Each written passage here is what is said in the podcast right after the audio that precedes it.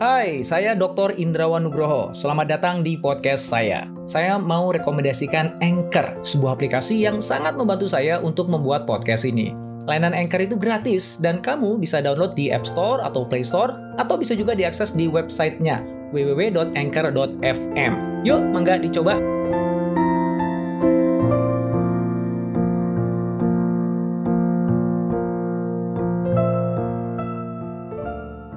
Dalam sepekan terakhir, Rusia menyerang negara tetangganya, Ukraina. Dan perang Eropa yang paling signifikan dalam hampir 80 tahun terakhir telah dimulai. Demikian kata jurnalis senior The New York Times, David Leonhardt. Apa yang membedakan perang di era digital dengan perang di era sebelumnya? Ya, saat ini senjata yang digunakan bukan hanya senapan, bom, atau rudal, tapi juga informasi. Dan perusahaan-perusahaan teknologi digital ketarik masuk ke dalam konflik. Seperti apa sih campur tangan big tech company seperti Google, Meta, Microsoft, Apple, dan SpaceX di dalam pertempuran itu? Kenapa mereka memilih untuk terlibat? Dan apa yang perlu kita waspadai dari keterlibatan mereka?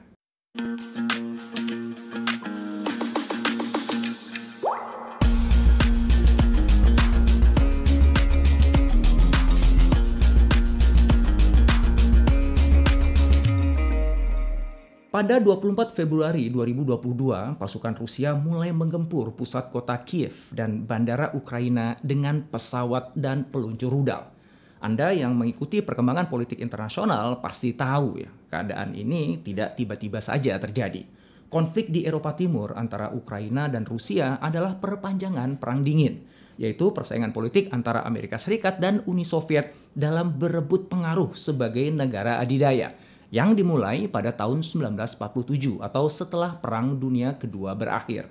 Perang dingin dianggap selesai sejak runtuhnya tembok Berlin pada 9 November 1989, diikuti dengan bubarnya Uni Soviet pada 26 Desember 1991. Ukraina adalah salah satu negara yang tadinya berada di bawah Uni Soviet. Namun sejak 2014, Rusia telah melakukan berbagai upaya merebut paksa dan mengklaim kembali Ukraina sebagai bagian sah dari Rusia. Karena itu, Ukraina pun mencoba mendekat ke kubu Fakta Pertahanan Negara Atlantik Utara atau NATO. Belum sempat disetujui sebagai anggota, Presiden Rusia Vladimir Putin telah memulai serangannya. Putin memperingatkan negara-negara lain bahwa mengganggu invasi akan membawa konsekuensi yang belum pernah terjadi dalam sejarah Anda. Putin sepertinya bicara tentang nuklir yang semoga jangan sampai terjadi.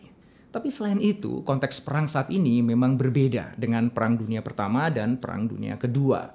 Invasi Rusia ke Ukraina telah menjadi momen geopolitik yang menentukan bagi sejumlah perusahaan teknologi terbesar di dunia. Platform mereka telah berubah menjadi medan perang utama untuk perang informasi paralel dan data. Selama sepekan terakhir, Google, Meta, Twitter, Telegram, dan lainnya telah dipaksa ikut bergulat menggunakan pengaruh mereka mereka terjebak di antara meningkatnya tuntutan pejabat Ukraina, Rusia, Uni Eropa, dan Amerika Serikat. Pada 25 Februari 2022 atau sehari sesudah invasi, para pejabat pemerintah Ukraina langsung memohon para pemimpin tech company ini untuk membatasi layanan mereka di dalam Rusia. Wakil Perdana Menteri sekaligus Menteri Urusan Digital Ukraina, Mikhailo Fedorov, menulis pesan kepada CEO Apple, Tim Cook, yang dipostingnya ke Twitter untuk berhenti memasok layanan dan produk Apple ke Federasi Rusia, termasuk memblokir akses ke Apple Store. Fedorov yang merupakan menteri termuda Ukraina ini, usianya baru 31 tahun, juga menulis tajam kepada pimpinan Meta, Mark Zuckerberg, saat Anda membuat metaverse, katanya. Rusia menghancurkan kehidupan nyata di Ukraina. Kami meminta Anda melarang akses ke Facebook dan Instagram dari Rusia. Selama tank dan rudal menyerang taman kanak-kanak dan rumah sakit kami. Fedorov juga menulis cuitan Twitter yang sama ke YouTube, pemilik SpaceX, Elon Musk, dan masih banyak lagi. Pada saat yang sama, para pejabat negara-negara barat mendesak tech company untuk memblokir media dan propaganda pemerintah Rusia.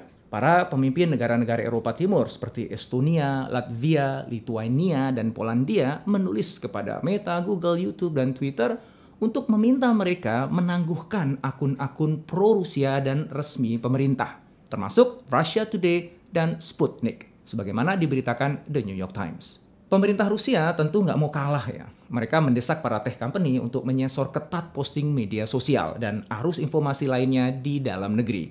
Sebelumnya pun pemerintah Rusia telah sangat membatasi akses ke Facebook, Twitter, dan kemudian YouTube.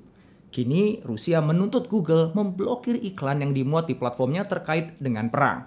Rusia juga berang atas pembatasan terhadap akun-akun resmi dan pro pemerintah Rusia dan menuntut pencabutan pembatasan tersebut.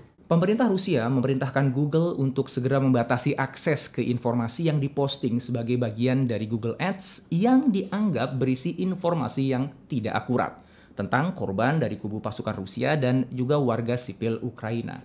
Rusia mengancam Google terkait larangan iklan bahwa jika mereka tidak patuh, pembatasan lebih keras akan diterapkan. Mulai dari pelambatan kecepatan hingga blokir terhadap Google. Jangan lupa ya, posisi ekonomi Rusia itu sangat kuat sebagai eksportir energi terbesar di dunia.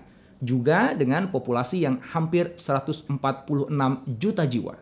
Dan big tech company ini pun pasti punya urusan bisnis di Rusia. Jadi kita saksikan bagaimana big tech company diperebutkan di tengah perang Rusia versus Ukraina dan mendapatkan desakan dari berbagai penjuru. Para raksasa teknologi ditempatkan dalam posisi yang sulit karena konflik di Ukraina memicu perang informasi perusahaan ini menghadapi beban berat, tuntutan dari pejabat Ukraina dan simpatisan di seluruh dunia yang meminta mereka menghambat akun-akun di Rusia dari layanan mereka untuk menghentikan penyebaran informasi palsu dan propaganda pemerintah Rusia. Tapi apa sebetulnya kepentingan big tech company untuk mereka sendiri? Para perusahaan teknologi ini selalu membanggakan diri sebagai pembela kebebasan berbicara dan nilai-nilai demokrasi. Namun mereka juga dikritik karena menuai miliaran pendapatan iklan sambil memberikan dampak berbahaya bagi penggunanya. Bagi banyak perusahaan seperti Google, Meta, Twitter, konflik Rusia-Ukraina adalah kesempatan untuk merehabilitasi reputasi mereka. Setelah menghadapi pertanyaan dan tuntutan publik dalam beberapa tahun terakhir tentang isu privacy, dominasi pasar, dan bagaimana mereka menyebarkan konten buruk dan memecah belah mereka memiliki kesempatan untuk menunjukkan pada publik dunia bahwa mereka dapat menggunakan teknologi mereka untuk kebaikan. Anda masih ingat kan apa yang terjadi pada revolusi musim semi Arab pada tahun 2011 ketika media sosial menghubungkan jejaring para aktivis dan dipuji-puji sebagai instrumen penting demokrasi. Nah, di saat yang sama, para big tech company ini menghadapi keputusan yang rumit.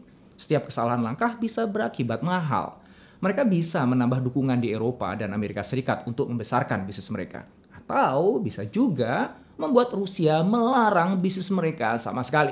Kita tahu kan bahwa tech company mengalami sejumlah tantangan bisnis. Facebook misalnya telah mengalami penurunan drastis dalam nilainya karena berbagai faktor seperti perlambatan pertumbuhan dan tekanan pada bisnis iklan utamanya. Para eksekutif di big tech company ini, Google, Meta, Twitter, dan sebagainya mesti melakukan berbagai keputusan dalam waktu singkat sambil juga menunggu dan melihat apa yang dilakukan tetangga sebelah, alias perusahaan teh lainnya.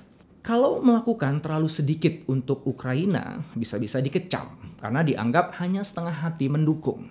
Tapi membatasi terlalu banyak layanan dan informasi di Rusia juga dapat membuat warga Rusia biasa terputus dari percakapan digital yang lebih luas, yang dapat melawan propaganda dari pemerintah mereka. Bagi sebagian besar raksasa teknologi ini, konflik Rusia-Ukraina bisa menjadi momen yang menentukan reputasi. Setelah menghadapi tuduhan pelanggaran privasi dan ujaran kebencian selama bertahun-tahun, sekarang saatnya dunia melihat kembali apakah platform mereka menyediakan informasi kredibel yang dapat diakses. Saat perang berlanjut, raksasa teknologi dihadapkan pada tuntutan dan komplikasi yang meningkat. Peran mereka dalam menegakkan demokrasi informasi menjadi lebih penting dari sebelumnya. Hai, sebelum kita lanjut podcastnya, kamu sudah pernah dengar Anchor kan? Anchor adalah all-in-one podcast editing platform yang saya gunakan untuk rekaman, edit suara, tambah lagu, dan semua hal dalam pembuatan podcast yang sedang kamu dengerin ini. Anchor bisa membantu kamu bikin podcast kamu sendiri loh. Caranya gampang, tinggal download dari App Store atau Play Store, atau bisa juga diakses di www.anchor.fm. Download Anchor sekarang ya. Para raksasa teknologi telah merespons perang Rusia versus Ukraina dengan memberikan dukungan kepada Ukraina. Mereka menghalangi kampanye disinformasi dari Rusia dan menutup layanan yang dapat digunakan militer Rusia atas permintaan pemerintah Ukraina. Perusahaan roket SpaceX milik Elon Musk mengaktifkan layanan internet satelit di Ukraina melalui sistem Starlink-nya, sebuah langkah yang membuat Ukraina tetap terhubung ke internet, bahkan saat Rusia menyerang jaringan internetnya. Microsoft telah bekerja dengan pejabat pemerintah AS dan Ukraina untuk memperingatkan ancaman pertasan. Microsoft juga membatasi unduhan layanan media milik pemerintah Rusia dari toko aplikasi mereka. Kemudian jejaring sosial Facebook, eh, Twitter, dan juga YouTube dari Google membatasi akses media yang dikelola pemerintah Rusia ke platform iklan dan terus memeriksa posting-posting yang dianggap memuat fakta yang keliru. Tim Google di Eropa secara resmi mengumumkan bahwa mereka aktif memantau perang dan bekerja untuk memastikan keselamatan dan keamanan penggunanya. Google menonaktifkan fitur yang menampilkan kondisi lalu lintas di aplikasi Maps yang banyak digunakan. Sebuah langkah yang berpotensi membuat navigasi lebih sulit bagi militer Rusia. Google menambah daftar sanksi terhadap Rusia dengan memblokir outlet-outlet media yang dikendalikan pemerintah Rusia untuk menjual iklan di situs mereka.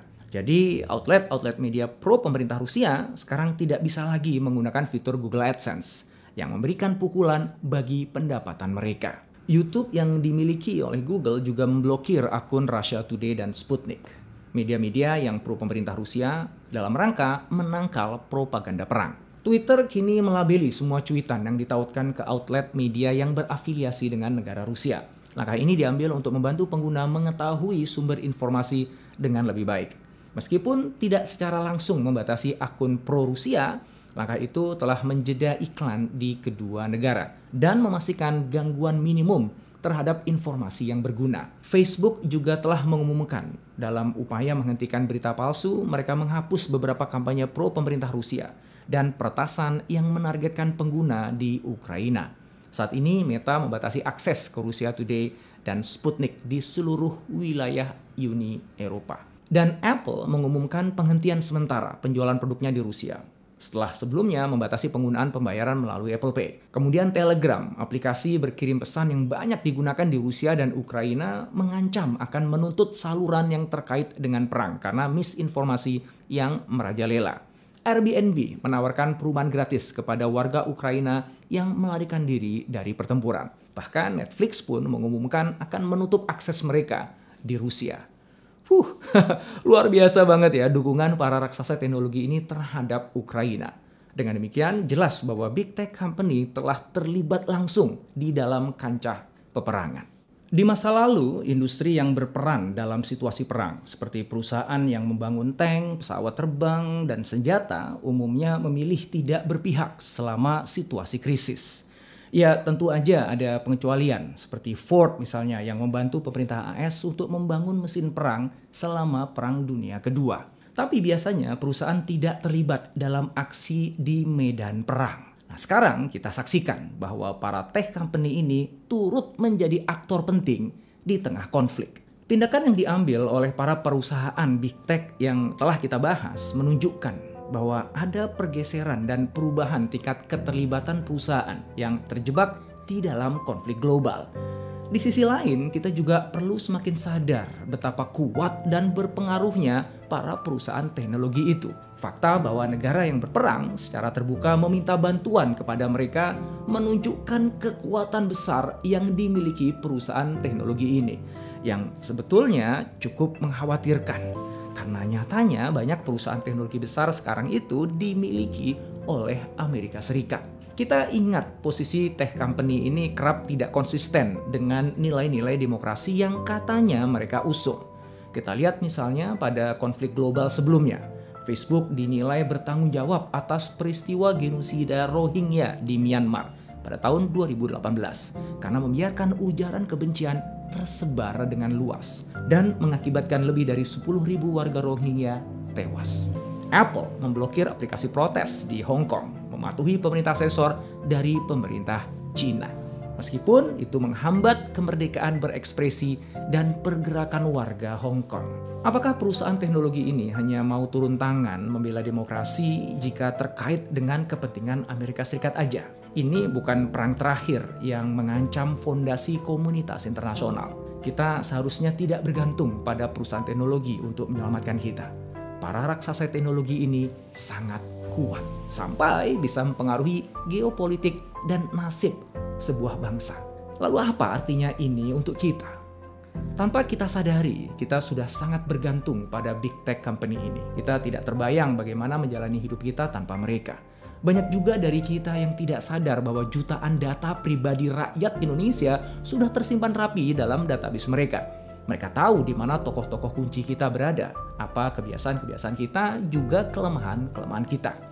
Bagaimana jika suatu saat nanti sebuah negara tiba-tiba memutuskan untuk menggunakan kekuatan big tech company itu untuk menginvasi negeri ini?